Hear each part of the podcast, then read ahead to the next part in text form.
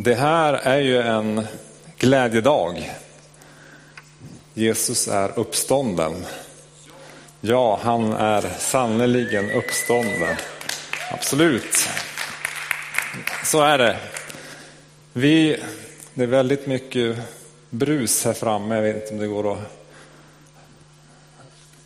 göra något åt det. Vi har ju firat påsk. Jesus har rört sig från Getsemane, och jag blev andfådd här känner jag. Från Getsemane, eh, hela den natten, förrådd av Petrus, mötte Pilatus, folket ropar korsfäst. Jesus förs till korset, bär korset, piskas, hängs på korset, ger upp andan, säger det är fullbordat. Templet Eh, förhänget spricker, det öppnas in i det allra heligaste. Och så är långfredagen ett faktum. Jesus är död, han läggs i graven. Och sen är det den här eh, sabbatsdagen på lördagen som Bibeln inte nämner så mycket om. Lärjungarna och alla vilar som de gör på sabbaten. Man kan ju bara tänka sig in i alla känslor, alla tankar som, som de här har. Blev det inte mer? Alltså den här hopplösheten. Jesus som de hade satt eh, all sitt, sitt, eh, hela sitt hopp till. Eh, de hade satsat flera år, fått all undervisning, de hade tänkt på Messias. De hade tänkt på honom som kungen som skulle regera, som skulle kasta ut romarna ur Israel. Så mycket hopp som de hade gått med. Och så dör han. Och så tillbringar de den här, det här dygnet. Så måste det ha varit oerhört hopplöst. Och den här predikan idag som jag ska ha, den, den handlar om, om hopp den handlar inte om hopplöshet. Men för, att, för om man ska kunna förstå hoppet så behöver man också förstå hopplösheten.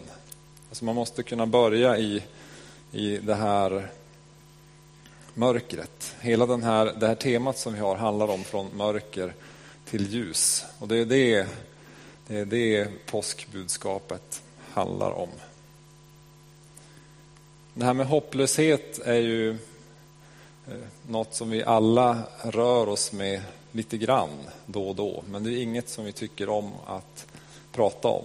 För det, det blir något som kommer väldigt nära.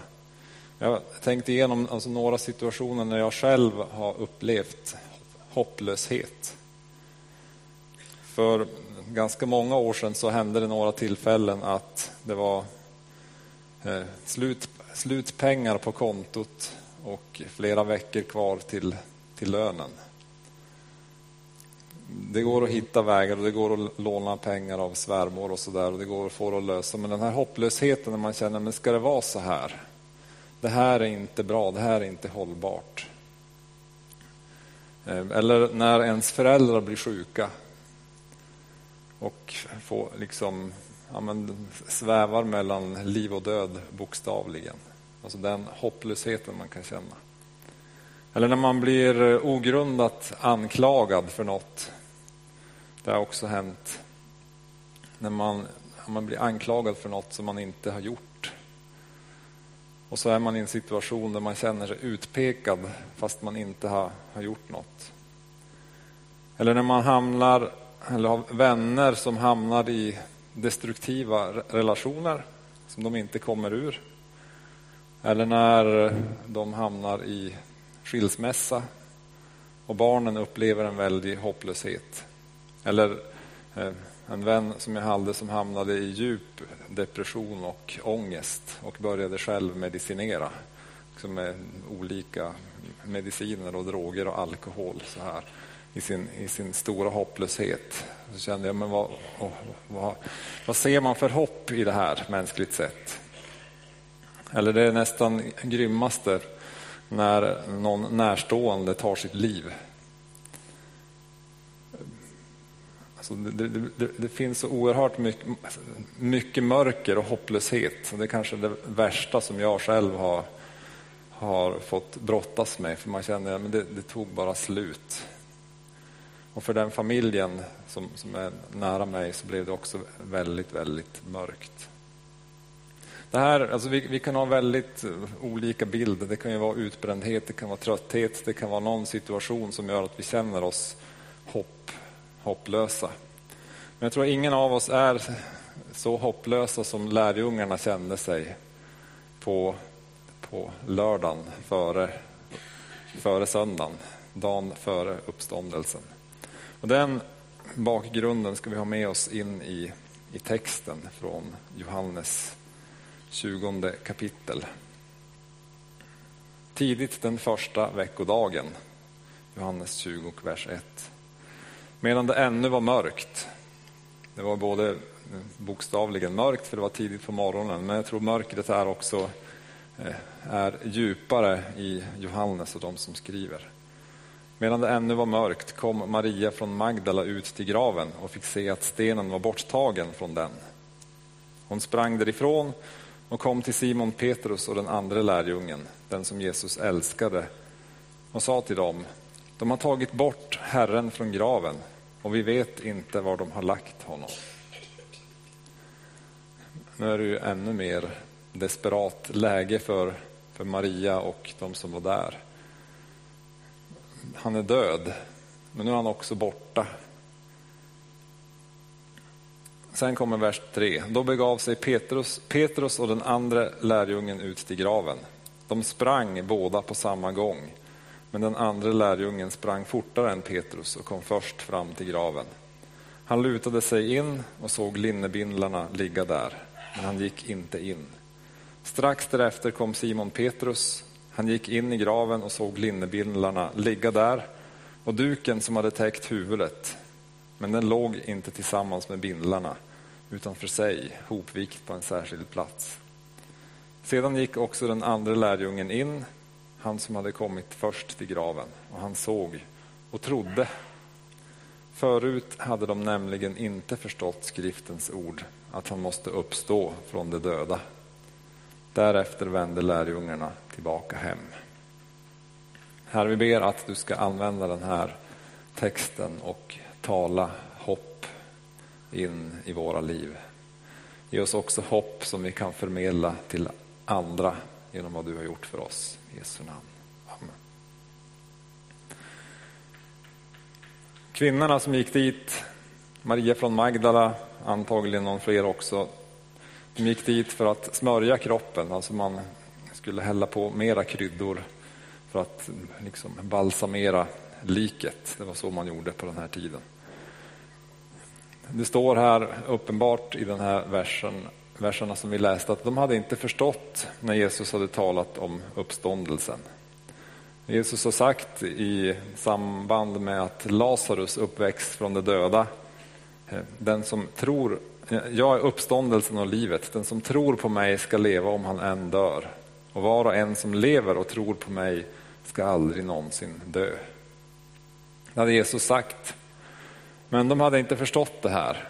De, alltså, de hade levt i det här mörkret. Alltså, de, de hade inte haft hoppet om uppståndelsen, för de hade inte förstått vad Jesus hade sagt. Men man kan ana att när Maria Magdalena kommer till Petrus och Johannes och säger att han är borta, så händer det något i huvudet på Petrus och Johannes. För det står att de springer till graven. Alltså på den här, det är inte som idag när, när, liksom när man eh, verkar cool och hurtig om man är ute och springer. Så på den här tiden så, så, var det något som man bara gjorde i dramatiska situationer för att det ansågs ovärdigt att springa så att andra la märke till det. Men båda springer. Johannes kommer först och Petrus kommer efter. Och Det här är ett tecken för mig att hoppet tänds i dem. Tänk om det han sa om uppståndelsen är på riktigt. Tänk om. Och så springer de till graven. Och så kommer de där och ser att eh, linnebindlarna ligger där.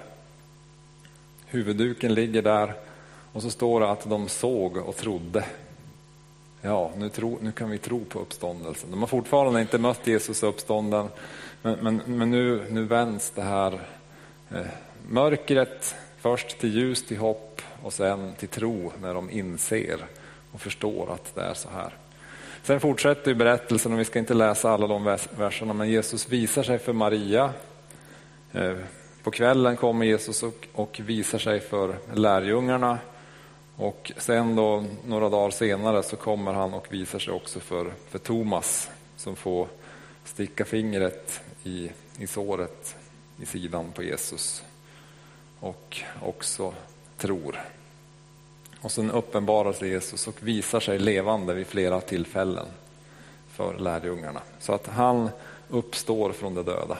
Det var en intressant liten artikel på, eller säga, krönika på kultursidorna i Svenska Dagbladet här på, det var nog på långfredagen, där han skriver, skriver att ja, men, antingen måste man ju tro att Jesus uppstod eller så får man liksom lägga allt det här med tron åt sidan.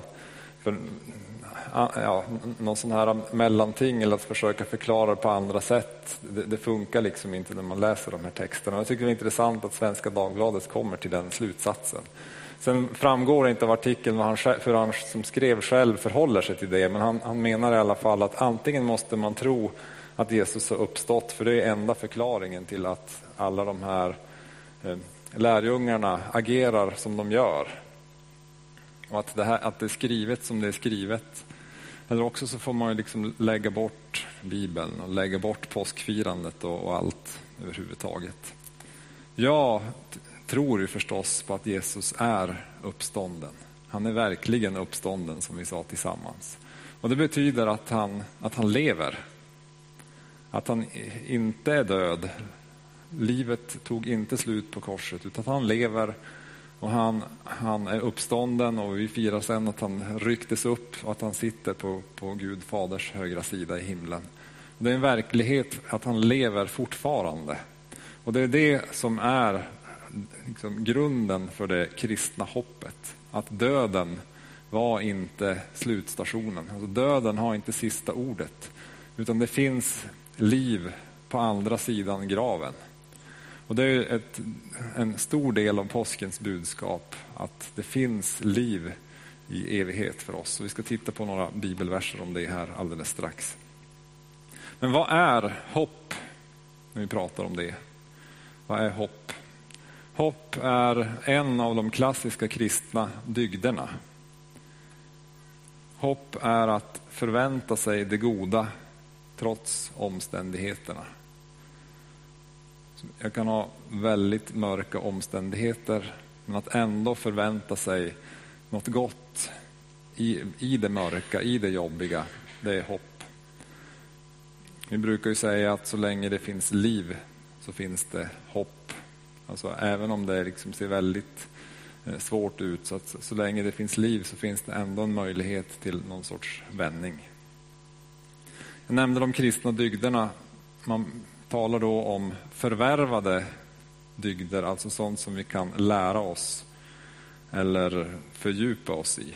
Och då, då är det mod, måttlighet, vishet och rättrådighet. Men sen är det också det som, det som ges till oss, de ingjutna dygderna, tro, hopp och kärlek. Det Jesus ger till oss som en gåva som vi kan få ta emot. Och genom uppståndelsen så, så ger han oss hopp. När vi, när vi möter den, när vi ser den, när vi inser vad Jesus har gjort så, så väcker det hopp i oss. Det här med hopp är ju speciellt. Alltså för det behövs ju väldigt lite, en väldigt liten möjlighet för att hoppet ska finnas där. Är det någon av er som, ni behöver inte räcka upp handen, men jag antar att några av er någon gång har köpt en trisslott så här. Ni vet vad som händer, man har köpt en trisslott så här och så inser man att jag har chansen. Jag kan vinna. Man vill liksom inte tänka på hur liten sannolikheten är, för den är ju en på några miljoner eller så för att vinna högsta vinsten. Eh, om man vinner så vinner man ju 35 spänn och så får man en ny lott och så vinner man inget. Men, men det finns människor som har vunnit. Jag känner faktiskt en som har vunnit en, en högre vinst än 35 spänn på en trisslott. Så att eh, han vann en summa pengar. Men det här alltså, det ger ju en, en smula hopp åt oss. Och så liksom när man håller i den här lotten så ja, tänker man, jag har chansen. Och så tänker man, oj, en miljon. Jag kan byta bil. Så börjar man liksom se den här bilen inför sig. Så kan man åka på semester och så tänker man på värmen i, på Sicilien eller vad man nu vill. Och så tänker man att ja, men då kommer mitt liv att bli lite lyckligare. För det är vad hoppet gör med oss. Alltså vi vill se, hoppet gör att vi kan se det goda trots omständigheterna. Det är ett väldigt, alltså väldigt liten grund för, för hoppet att köpa en trisslott på det sättet. Men det kan ju, skulle kunna hända. Och så föds det någon sorts hopp i mig. Ni förstår. Så det, det finns någon sorts liten, liten, liten strimma av ljus mitt i omständigheterna. Så kan vi hugga tag i det och så kan, kan det ge oss i den situationen där vi är. Och så kan det ge oss också mod att fortsätta.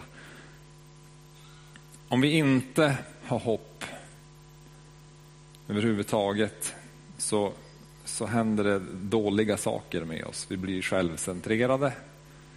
Så vi, vi blir en väldigt stor del av själva, av vår värld.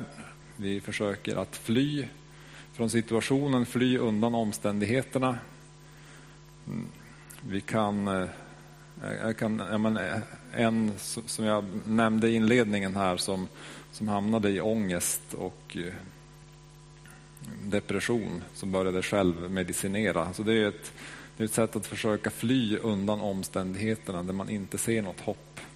Försöker man hitta någon väg ut. Man inte kan lämna landet, man kanske inte kan lämna sin situation men man försöker hitta något sätt att liksom distansera sig från omständigheterna. Problemet med det är ju att man, man kommer ännu längre från möjligheten att få uppleva frihet. Så går vi ner oss i, i mörkret. Jag vet inte om du har tänkt på Petrus när han förnekar Jesus på natten vid eldarna och tjänsteflickan säger men du är också en av dem. Och så säger Petrus, nej, nej, nej, för allt i världen. Det är jag inte. Det är ju ett, en, eh, ett resultat av Petrus hopplöshet i den situationen. Förnekelsen, flykten, avståndstagandet. För att han saknar hopp. Vad innebär det kristna hoppet som Gud ger oss? Det, jag var inne på det här, men inga omständigheter, inte ens döden är sista ordet. Så länge det finns liv så finns det hopp, även om vi dör. Men tro på Jesus så har vi hopp om liv i evigheten. I Hebreerbrevet 6 så skriver författaren, ska jag hitta det här, tänkte jag, så här om hoppet. Hebreerbrevet 6 och 19. I detta hopp har vi ett tryggt och säkert själens ankare som når innanför förlåten, dit Jesus för vår skull gick in och öppnade vägen för oss när han blev överste präst för evigt, en sådan som Melkisedek. Ett själens ankare innanför förlåten. Min själ som kan förankra sig innanför förlåten, alltså det är i himlen hos Gud. Där kan min själ liksom ha en fast punkt. Det är vad hoppet gör. Hoppet liksom knyter ihop oss med, med himlen, både i, i nuet men, men inför evigheten.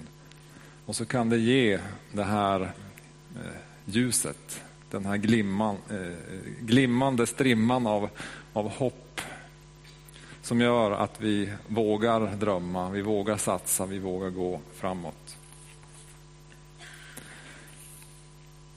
Det, det kristna hoppet är ju förankrat i Guds ord. Där vi kan få bevara den gåva som Gud har gett oss. För, för hoppet är viktigt. I Romarbrevet 15 så skriver Paulus, alla profetior i skriften står där för att undervisa oss så att vi genom vår uthållighet och den tröst skriften ger oss kan bevara vårt hopp.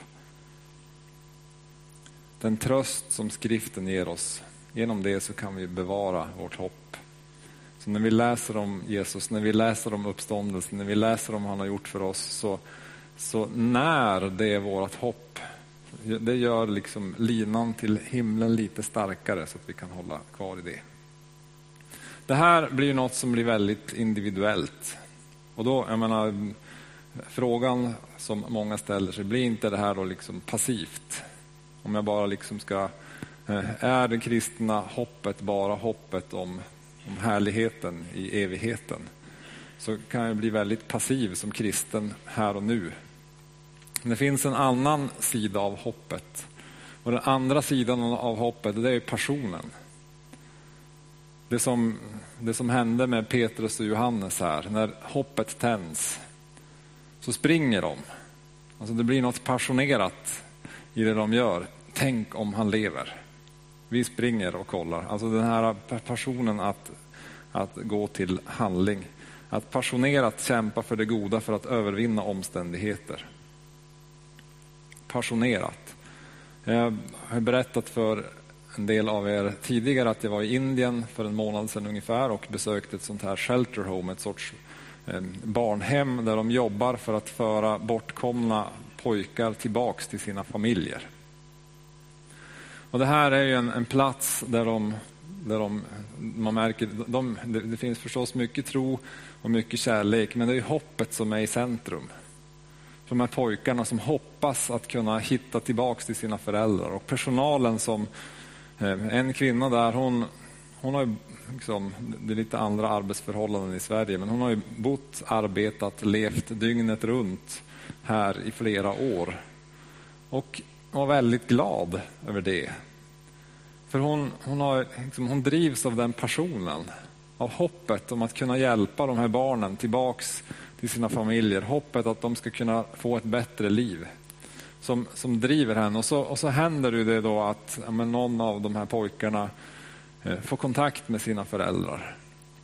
Och så blir det en sån story som, som verkligen ger hopp till dem och hopp till de andra och så skapar en passion i det de gör. Men när vi, när vi är passionerade utan hopp så kan vi bli istället aggressiva. Vi blir oroliga och vi vill liksom isolera oss. Vi kan bli passionerade för att om vi, vi måste förändra våra omständigheter men vi har inget hopp det som då lätt händer är att man börjar hugga åt alla möjliga håll. Så här. Eh, Petrus ger ju uttryck också för den passionerade hopplösheten i ett semane när han liksom drar upp svärdet och börjar hugga omkring sig och hugger av örat på en, på en, eh, en eh, person där. Alltså det här aggressiviteten som utifrån hopplöshet kan bli väldigt, väldigt hård och väldigt jobbig.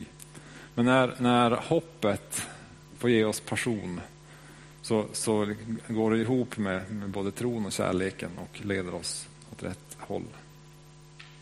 Så vi behöver rikta in vårt hopp på rätt saker. Inte i första hand riktat, alltså passionen inte först, i första hand riktat mot omständigheterna utan en passion som är riktad till Jesus Paulus skriver kroppsövningar är nyttiga på sitt sätt. Det brukar jag påminna mig om, det är bra. Men Guds, fruk Guds fruktan är nyttig på alla sätt. Med sitt löfte om liv både för denna tiden och den kommande. Så löften om evigt liv handlar inte bara om den kommande tiden i himlen utan det är också löftet om liv här och nu inte för att vi ska vara passiva utan för att vi ska kunna fyllas av passion över livet. Detta är ett ord att lita på och värt att ta till sig. Det är därför vi strävar och kämpar. Ty vi har satt vårt hopp till den levande guden som är en frälsare för alla människor, särskilt för dem som tror. Det är därför vi strävar och kämpar. för vi har satt vårt hopp till den levande guden. Så när vi sätter vårt hopp till Jesus som är uppstånden, som lever, så, så föder det passion i oss. Alltså passionen att fortsätta.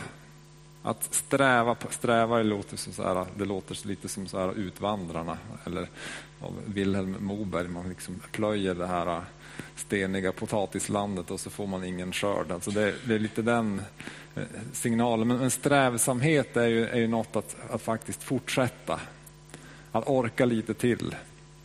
Att kämpa är kanske lite mer äh, positivt ord, för vi kämpar ju liksom för det goda och för den goda sakens skull. För vi har satt vårt hopp till den levande guden, som är en frälsare för alla människor. Alltså han är räddaren. Vi kan, jag tror att vi aldrig kan ta i tillräckligt i vår lovsång och tillbedjan när vi försöker beskriva vem Jesus är och vad han har gjort. Det är alltid lite mer än det. Så även om vi liksom tar till våran, den psalm som vi tycker bäst om eller de lovsånger som vi tycker uttrycker allra bäst om vem Jesus är så, så är det ändå inte riktigt fullständigt. För Jesus han är alltid frälsaren. Han är alltid räddaren, han är alltid livet. Han är alltid den som kan ge oss hopp i den situation där vi är. Han är alltid den som kan ge liv för den här tiden och för den kommande. Innan jag avslutar så vill jag också ge en, en gemensam del kring hoppet. För det är något som annars, om vi pratar om dygd, så kan det bli ganska individuellt. Det blir liksom jag och Jesus och min min, mitt hopp och min passion. Men tillsammans är en viktig aspekt. När lärjungarna senare, nu är jag förbi pingstdagen i, i händelseutvecklingen här så ni får ha överseende med det. Men i Apostlagärningarna i andra kapitlet så, så beskrivs den första församlingen som växer fram. Och församlingen om något är ett hoppets tecken när vi är tillsammans. När den uppståndne Jesus får vara centrum för de vi är och för det vi gör så händer det spännande saker som, som, som ger hopp. Som är ett uttryck för hopp och, och som ger hopp.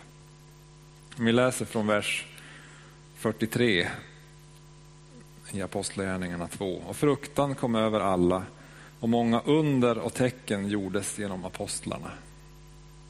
Under och tecken. Alltså det om något är väl något som, som kan skänka oss hopp. Att Gud svarar på bön. Att det händer som det Maria pratade om i vittnesbördet. De bad för en person och smärtan försvann. Alltså, här kom fruktan över alla. Alltså Guds fruktan och hopp hör ihop. För att Gud blir levande det kan hända något när vi tror på Jesus. Och när vi kommer tillsammans så, så, så händer det något i den gemenskapen. Alla troende var tillsammans och hade allting gemensamt. De sålde sina egendomar och allt vad de ägde och delade ut till alla efter vad var och en behövde. Alltså tillsammans i en väldigt individualistisk tid så är ju tillsammans något som, som är attraktivt och som kan ge hopp. Både till oss som personer, hopp om tillhörighet, men också vara ett hoppets tecken för samhället. Jag tänkte på det när vi bad före gudstjänsten här. Vi, ni som var, skulle vara aktiva i gudstjänsten här, vi brukar mötas och be för varann. Och det var ju liksom mellan 13 och 75 i ålder. Män och kvinnor tillsammans som ber och tjänar ihop. Alltså det, det är vackert och det ger hopp. Den här egendomsgemenskapen som beskrivs i de här versen att de hade allting tillsammans.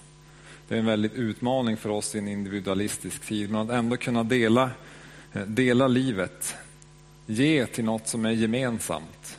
Ge till en församling. Ge av det man har. Tjäna eh, ge av sina gåvor till andra. Det är någonting som, som kan ge hopp för så många andra människor. När inte jag håller för mig själv utan delar med andra och så kan vi tillsammans också, som de gör här, möta andras behov. Så ger ju det hopp till jättemånga människor. Så det vi gör här, jag pratar liksom om, om de här i Indien, men, men när, när vi ber för dem, när vi samlar in pengar och skickar till Indien så skapar det hopp för de killarna på barnhemmet där. Det skapar också hopp för oss för att vi inser att här sitter vi på något som är mer värt, som är en, en, en bättre grund än en trisslott. Vi är med i en församling. Vi är med i något som är större där Jesus är i centrum. Och Det är en väldig grund för, för hopp att kunna påverka, att kunna förändra, att kunna beröra människor som sitter fast i omständigheter som inte är gynnsamma. Varje dag var de endräktigt tillsammans i templet och i hemmen bröt de bröd och höll måltid med varandra i jublande innerlig glädje. De prisade Gud och var omtyckta av allt folket och Herren ökade var dag skaran med dem som blev frälsta. De åt tillsammans. Vi ska fira nattvard här alldeles strax. Alla är välkomna. Så när vi äter tillsammans, om det är en nattvard eller om det är fika i Linnésalen eller om vi bjuder hem någon, så är det också något som, som är ett hoppets tecken. Att, att himlen, eh, måltiden som ska hållas i himlen finns inom räckhåll också här på jorden. Att Gud ger liv till oss och genom oss så, är, så ger det hopp och skänker hopp. Och den här jublande glädjen, man kan ju tycka att det är fjantigt och, och när jag och Hasse försöker dansa här på scenen. Men, men att skratta tillsammans, att, att kunna glädja sig tillsammans, att kunna jubla tillsammans är någonting som, som ger hopp. Alltså, uppståndelsen är inte en, det är ingen mörk händelse i historien utan det är det ljusaste och gladaste som har hänt. Att Jesus uppstår från de döda. Himlen kommer inte vara liksom en sån här from, eh, jo det kommer vara fromt på många sätt, men inte som vi föreställer oss det tror jag. Utan jag tror att det kommer att vara eh, jublande. Jublande glädje. Det kommer att vara mycket vildare än när, när vi firar gudstjänst här. Det törs jag lova er. vi kommer alla vara helt fria, vi kommer alla vara jätteglada och Jesus är där och vi lever allihop i evighet. Så det är något att jubla över och något att glädjas över. Och Det kan vi göra här och nu också, för vi har det hoppet. Och glädjen som vi har här och jublet som vi har här, det hör ihop med det som händer i himlen. För hoppet är själens ankare in i det allra heligaste. Så oavsett om vi liksom skrattar och glädjer oss eller äter tillsammans eller ger eller delar med oss eller åker på missionsresa så är, så är det kopplat till hoppet om evigheten för att Jesus har uppstått och Jesus lever och graven är tom. Det är vad den här, både predikan och den här dagen handlar om. Vi ska alldeles strax få lyssna på en sång här och göra i ordning för nattvardsfirande. Och I nattvarden så kan du få ta emot hoppet jag vet inte exakt hur din situation är, men du kanske känner att jag behöver hopp. Då kan du få komma och ta en del av vad Jesus har gjort. Fira att han lever, fira, ta del i det nya förbundet i hans blod. Tillsammans med oss allihop, för han är uppstånden. Det här, avslutningen i den här gudstjänsten kan få vara en stund när, när Jesus får tända hoppets låga i dig igen. Låt nattvarden vara en sån stund. Ta del i bönen i de bönestationer som vi har. Det finns instruktioner på sådana här små vita tavlor på olika platser och du får gärna vara med och be, be där. Och så kommer vi ha förebedjare på båda sidorna som också kan vara med att be för dig om du känner att du har fastnat i hopplöshet på något sätt. Herre, vi tackar dig för ditt ord. Vi tackar dig för att graven är tom. Vi tackar dig för att det ger oss hopp. Och jag ber att du ska tända passionen i oss igen idag. I Jesu namn. Amen.